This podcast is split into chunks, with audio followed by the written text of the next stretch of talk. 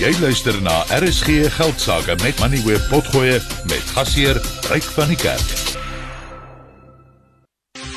RSG Geldsaake met Money Web, jou betroubare bron vir sake en beleggingsinsigte.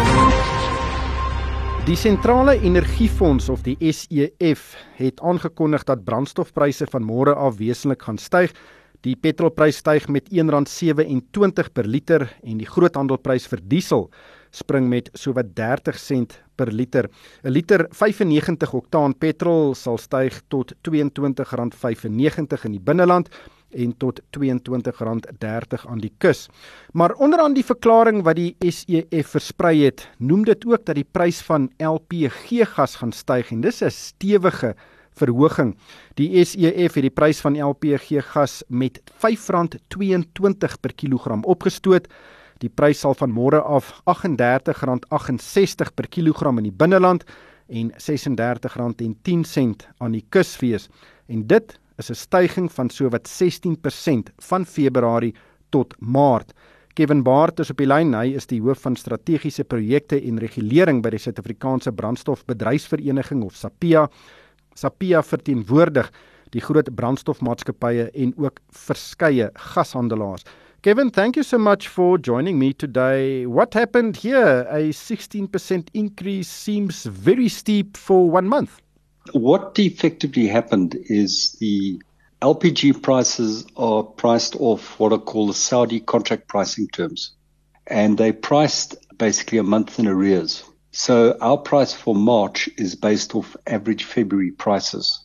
But what happened is that the Saudis themselves increased the price, the FOB, the free on board price of LPG, which is made up of propane and butane, by about 30% from January to February. That's 3 0.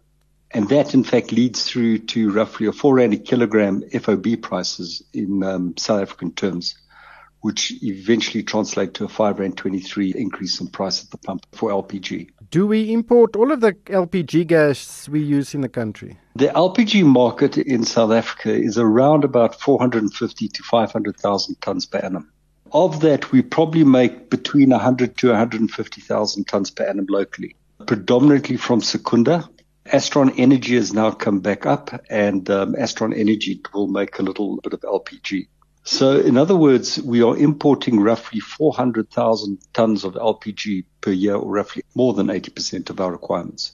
Have you seen such volatility before?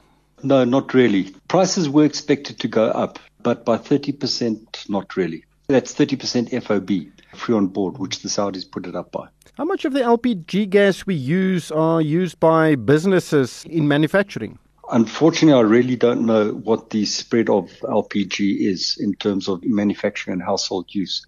What I do know, however, is that South Africa's LPG demand is very much below what equivalent other middle income countries are. And so, for example, our LPG consumption is roughly about eight kilograms per person per annum. A similar type of country is doing about 40. And that just gives you an idea of the scope of the necessary development which needs to happen in LPG in order for us to actually grow this market. Well, it's not going to grow if the price spikes by 16% now and again. Well, the thing with LPG is that LPG is a very good alternative, as we all know, to electricity from Eskom, especially for cooking, because at least with your gas hobs, you are guaranteed supply of power to actually um, cook your food. But yes, a large increase like this will certainly tend to dampen demand. Has the industry seen an increase in the demand since we started to experience this pretty significant load shedding we are experiencing now? We did an economic impact assessment of the oil industry in 2019. And in 2019, we ascertained that the size of the market then was about 420 to 450,000 tons. Now we reckon it's more between 450 to 500. So it has in fact grown since then. Whether that can be attributed to load shedding is a completely different question. And um, I do not know the answer to that. All we can say is that a lot of people are in fact shifting to hobs, to gas, as it provides this reliable source. But remember, with gas, you need to have it properly installed, and you obviously need to buy the associated uh, gas hob in order to use the gas efficiently. Does this increase also apply to natural gas? No, natural gas is priced uh, differently. Natural gas in South Africa is determined by NERSA, the National Energy Regulator of South Africa. And uh, in general, natural gas, yes, you do find pockets of Johannesburg and I think even Pretoria which use natural gas, but natural gas is, is predominantly used by industrial consumers. What has been the reaction from within the industry following this increase? To put it bluntly, yours is the first reaction to it.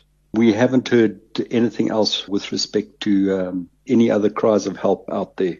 This is similar in a way to the large increase in prices of petrol which we experienced last year, and petrol going up by one rand twenty-five or thereabouts at the moment this month, as from tomorrow. By the way, the price of LPG will also increase as from tomorrow. Kevin, thanks so much for your time. Dit was Kevin Baar, die hoof van strategiese projekte en regulering by die Suid-Afrikaanse Brandstofbedryfsvereniging. Jy het geluister na RSG Geldsaake met Money where potgoe elke weeksdag om 7 na middag. Vir meer Money where potgoe, besoek moneyweb.co.za of laai die toepassing af en volg Moneyweb News om dagliks op hoogte te bly.